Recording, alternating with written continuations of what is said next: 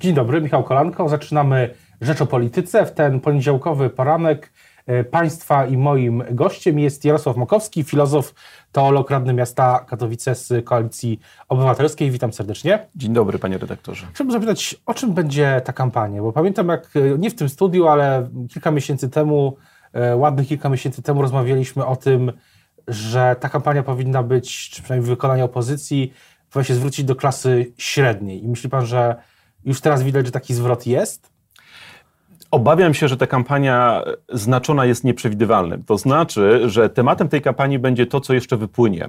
E, ponieważ e, kilka tygodni temu wydawało się, że karty są rozdane, że Prawo i Sprawiedliwość spokojnie idzie po e, reelekcję, czyli zwycięstwo. I nagle się okazuje, że loty marszałka Kuchcińskiego, że Ministerstwo Sprawiedliwości, które zamieniło się w Ministerstwo Zbierania haków na niepokornych sędziów, sędziów, te rzeczy wypływając, ustawiają agendę kampanii. Proszę zobaczyć, co zrobił e, premier Morawiecki. To znaczy, on by chciał wrócić do kampanii opartej na konkretach, opartej na racjonalności. Nagle się okazuje, że PiS, który zawsze bazował na, na emocjach, chce je porzucić, natomiast emocje wyznaczają te rzeczy, które wychodzą. Mówi pan, że agenda e, się zmienia, ale z drugiej strony fundamenty, na nie spojrzeć, e, no nie, nie ulegają większej, większym zmianom, w tym sensie, że programy społeczne nadal są, e, działają, są, są wypłacane i tak też będzie do, do października.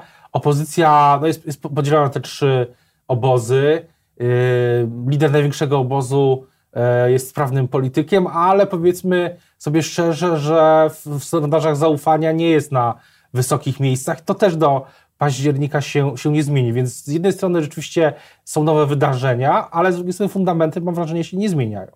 Oczywiście i to jest zła wiadomość dla Prawa i Sprawiedliwości, ponieważ e, ludzie uważają i słusznie, że nikt nie zmieni programów socjalnych. E, najwyżej będą jakieś korekty. Natomiast wszyscy mówią, że tak, 500 plus się należy, 500 plus na pierwsze dziecko, e, e, 13 emerytura i tak dalej, i tak dalej. Czyli te programy socjalne dzisiaj w ustach wszystkich liderów, także partii opozycyjnych, mm, pada zapewnienie, że będą podtrzymane. W związku z tym ludzie się przyzwyczajają, ok, mamy zapewnienie, że to nie zostanie nam odebrane. W związku z tym tematy, które się pojawiają i które będą w moim odczuciu wyznaczać e, e, bieg, dynamikę i emocje tej e, kampanii, one są nieprzewidywalne. I w moim odczuciu to, że Prawo i Sprawiedliwość chciałoby wrócić do rozliczania się z tych czterech lat i budowania swojej opowieści na tym, że jest wiarygodne, bo dało 500 plus na przykład, mm, chyba jednak trzeba będzie odłożyć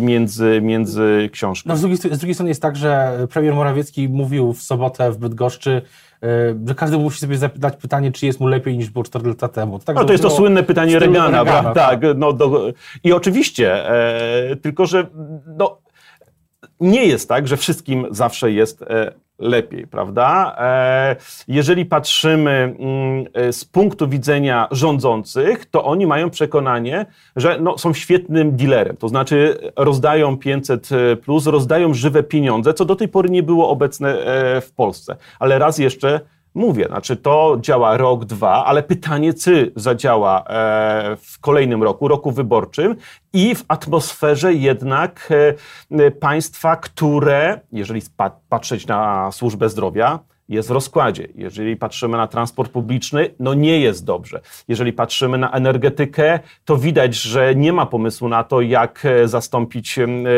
węgiel i tak dalej. W związku z tym, no nie wiem, e, mam wrażenie, że tą agendę, którą sobie ułożył PiS, ona już jest nieaktualna. A pana szóstka Schetyny przekonuje jako, pytam, do pana, pytam pana też jako w przeszłości szefa Instytutu Obywatelskiego, czyli think tanku Platformy. Czy, czy pana ta szóstka przekonuje? Pan też by taką szóstkę, tak te, te priorytety największej e, partii opozycyjnej ustawił? Wydaje mi się, że Platforma jednak e, odrobiła w jakim stopniu lekcję z E, ośmiu lat rządów, czy prawie ośmiu lat rządów Donalda Tuska. To znaczy, że nie można bazować tylko na infrastrukturze. Zresztą ja jako e, szef Instytutu Obywatelskiego w 2011 roku pisałem taką analizę od teraz Polska do teraz Polacy. To znaczy koniec już opowieści, że najważniejszym skokiem cywilizacyjnym dla Polski jest skok infrastrukturalny. Bo znów, powtórzę, Polacy szybko się przyzwyczaili, że drogi się budują, że dworce są odnawiane, e, że e, rewitalizowane są e, centra naszych miast i tak dalej.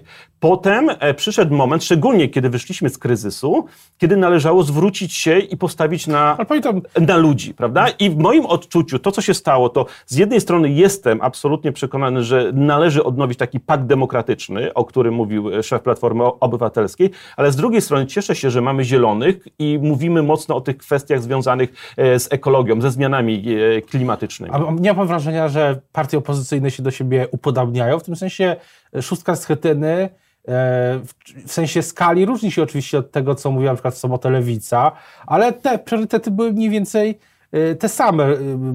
Zdrowie, edukacja, energia. Takie mam wrażenie, że, że wszyscy się do siebie upodabniają.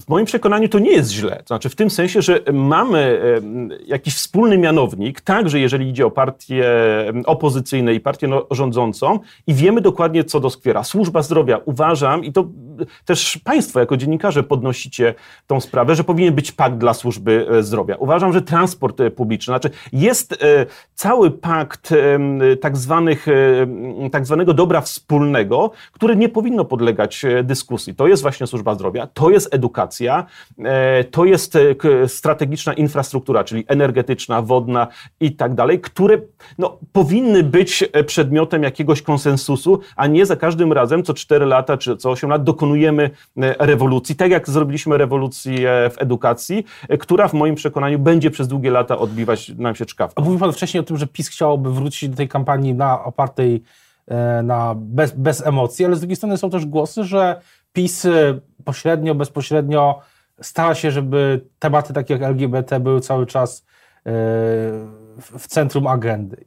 No tak, tylko e, PiS ma tutaj e, sojusznika w postaci kościoła, dużej części hierarchów i księży, którzy wykonują za nich tą kampanię. E, jeżeli idzie o ten spór cywilizacyjny, czyli cywilizacja śmierci kontra cywilizacja życia.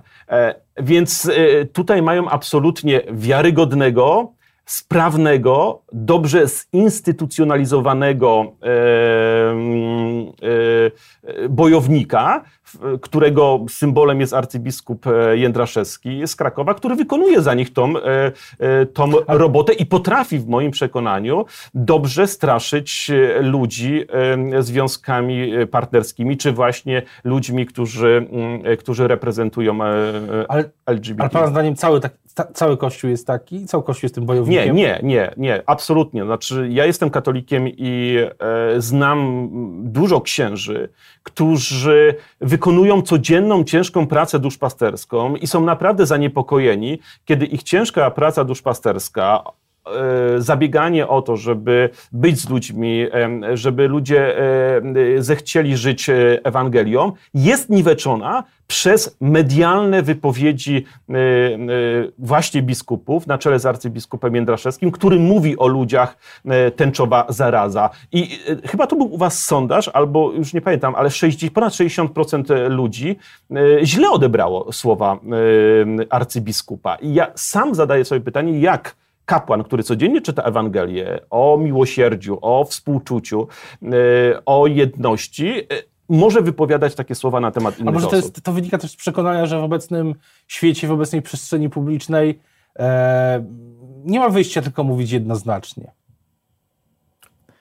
Ale dlaczego? No bo może, może Kościół uznaje, czy arcybiskup uznaje, że po prostu tylko w ten sposób ze swoim przesłaniem trafi, jeśli będzie używał takich Yy, Panie redaktorze i szanowni państwo, gdybym nie znał Ewangelii, to rzeczywiście, słuchając tylko arcybiskupa Jędraszewskiego i jego kolegów, uznałbym, że Biblia jest o edukacji seksualnej, czy w ogóle o seksie. To nieprawda. Biblia jest o wykluczonych, zepchniętych na margines, o ludziach, którzy mm, potrzebują współczucia i miłosierdzia. I to jest sedno przesłania Ewangelii. Natomiast widać tutaj jakąś absolutną obsesję na punkcie seksu w wykonaniu naszych e, biskupów, która dla mnie jest, dla mnie jest niezrozumiała. Tym bardziej, że jeżeli już że jeżeli już są tacy prawi i tak bardzo e, mm, ważne jest dla nich wiarygodność i uczciwość, to przede wszystkim powinni rozliczyć się ze skandali pedofilskich, które ukrywali. konsekwencje długofalowe, bo są też, jest taka teza, która się powtarza, powtarzana jest długo, wielokrotnie, że w pewnym momencie za x lat efektem będzie taka droga, jaką przebyła Hiszpania. Chociaż tam Kościół był w, historycznie inaczej umocowany niż w, w Polsce ze względu na uwarunkowania też oczywiście polityczne przez ostatnie kilkadziesiąt lat po, po II wojnie światowej. Więc, więc pytanie, czy to rzeczywiście jest tak, że za kilka lat albo już w październiku e, do władzy dojdzie lewica i e, wszystko zmieni? Nie. Uważam też za błąd stawianie kwestii religijnych i kościelnych w centrum e, kampanii. moim przekonaniu jest tak, że Polacy są religijni, są ludźmi, którzy wierzą w Ewangelię, natomiast nie akceptują zaangażowania instytucji kościelnych w politykę. I to widać od początku, od 1989 roku, e, kiedy Kościół angażował się e, w politykę. I ja przypomnę wtedy słynne zdanie Jarosława Kaczyńskiego, prawda, który widząc, co robi ZHN, czyli partia, która miała wartości katolickie na swoich sztandarach, powiedział, że najprostsza droga do dechrystianizacji Polski prowadzi przez, ZHN. Dzisiaj wydaje mi się, że najkrótsza droga i najprostsza prowadzi właśnie przez e, Prawo i Sprawiedliwość, które no, e, zawarło sojusz e, z Kościołem i biskupi naprawdę w dłuższej perspektywie przegrają ten spór. To znaczy w tym sensie, że ludzie wyjdą z kościoła, ale to nie oznacza, i to jest zła wiadomość dla lewicy, że odrzucą chrześcijaństwo czy katolicyzm. A jak pan odbiera właśnie, jeśli chodzi o lewicę, to czy, jak pan odbiera tą konwencję, y, ten projekt Lewica? Bo wydaje się, że Lewica chciałaby, i to też może się zdarzyć, że będzie kolejna, że ta oś sporu między PiSem a Platformą zmieni się w oś sporu między prawicą a lewicą. Lewica przede wszystkim to, że odbyła się ta konwencja, czyli e, w której wzięły udział trzy partie, Sojusz Lewicy Demokratycznej, mm, Wiosna i Razem, zawdzięcza Grzegorzowi Schetynie. To on zjednoczył mm, e, e, lewicę i dzisiaj mamy rzeczywiście ten sojusz tych trzech partii. Druga kwestia, wydaje mi się, że za duży akcent został położony właśnie na kwestie związane z wyprowadzaniem religii ze szkoły, z przekonaniem, że trzeba budować świeckie państwo, że trzeba kasy fiskalne narzucić e, księżom. To po prostu jest standard i o tym nie powinno się e, e, dyskutować, wydaje mi się, w kampanii wyborczej, bo to jest na rękę religijnej prawicy. I ostatnia rzecz. W moim odczuciu lewica powinna bić się o elektorat socjalny z Prawem i Sprawiedliwością, który odebrał, tak jak PiS odebrał elektorat rolniczy PSL-owi, tak elektorat socjalny odebrał I te, i te socjalne elementy były w, w sobotę też e, i, i, dotyczące mieszkań, czy zdrowia i tak dalej, więc to, to było. Tak, oczywiście było, tylko pytanie, co wybrzmiało, prawda? Znaczy, jak y, przeglądamy E, komentarze, no to przede wszystkim wy, wybrzmiały te elementy e, światopoglądowe. Natomiast no, droga na przykład Palikota pokazuje, że nie można być partią jednej sprawy i nie można w kółko opowiadać o tym, że się będzie walczyć z Kościołem i wyprowadzać e, religię ze szkół. Uważam, że na przykład powiedzenie jedna lekcja katechezy i jedna lekcja filozofii byłoby, że tak powiem, takim elementem wprowadzającym właśnie racjonalność. Bo e, dziś naprawdę jednym z kluczowych sporów, także cywilizacyjnych, jest zderzenie religijne, ale ono się nie bierze z tego, że ludzie przestają być religijni, tylko dlatego, że są analfabetami religijnymi. Ale pytanie też, wracając jeszcze na chwilę do tego sporu, e, bo ostatnio Agata Bielik-Robson w Gazecie Wyborczej pisała o normalsach. Czy dla normalsów, e, czyli ludzi, którzy nie są zaangażowani politycznie, są w tych w tej, w tej w, w wojnie, tak przynajmniej tak ten tekst odebrałem, czy, czy właśnie na przykład dla nich y, ten postulat, o którym Pan mówił przed chwilą, jedna lekcja religii, jedna filozofia, to jest coś, y, co powinno paść? Co dla nich byłoby wiarygodne? W moim odczuciu tak. E, sam, będąc bardzo krytyczny wobec działalności Kościoła, zarazem jestem przeciwnikiem, żeby wylewać dziecko z kąpielą, prawda? Czy znaczy, my mamy w Polsce tendencję do odbijania się od ściany do ściany, prawda? I to jest, to jest fatalne, bo to nie pozwala zbudować jakiegoś konsensusu, który mm, byłby przestrzegany przez wszystkie strony sporu politycznego. Dlatego potrzebujemy radykalnego centrum, radykalnego centrum politycznego, właśnie który wprowadzałby trochę racjonalności, spokoju, przewidywalności i, e, co ważne, no, e, skupiał się na tematach, które dzisiaj są kluczowe, to znaczy e, kwestie ekologiczne.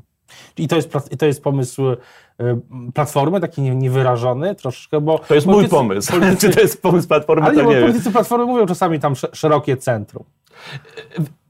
Platforma zawsze była taką e, e, formacją, ale szerokie centrum nie oznacza, że mamy w, w, w partii osoby, które z jednej strony są pro-choice, a z drugiej strony e, pro-life, bo to, to nie jest no, rozwiązanie. Znowu, rozwiązaniem nie wydaje mi się teraz wyrzucenie tak zwanego konsensusu aborcyjnego e, na śmietnik, ale zbudowanie takiego państwa, które jeżeli kobieta zachodzi w ciążę, to państwo jej pomaga prawda? Ma pomoc psychologiczną, ma pomoc socjalną, e, ma pomoc także instytucji kościelnych, tak jak to na przykład, przepraszam za, że przywołam ten kraj, działa w Niemczech. O tym, jak będzie wyglądała kampania, to wkrótce się przekonamy. Ostatni tydzień wakacji się zaczął, później już e, jesienna, e, jesienna wybory parlamentarne. Teraz dziękuję bardzo za rozmowę Państwa i moim gościem był Jarosław Makowski, filozof, teolog, radny miasta Katowice z Koalicji Obywatelskiej. Dziękuję bardzo.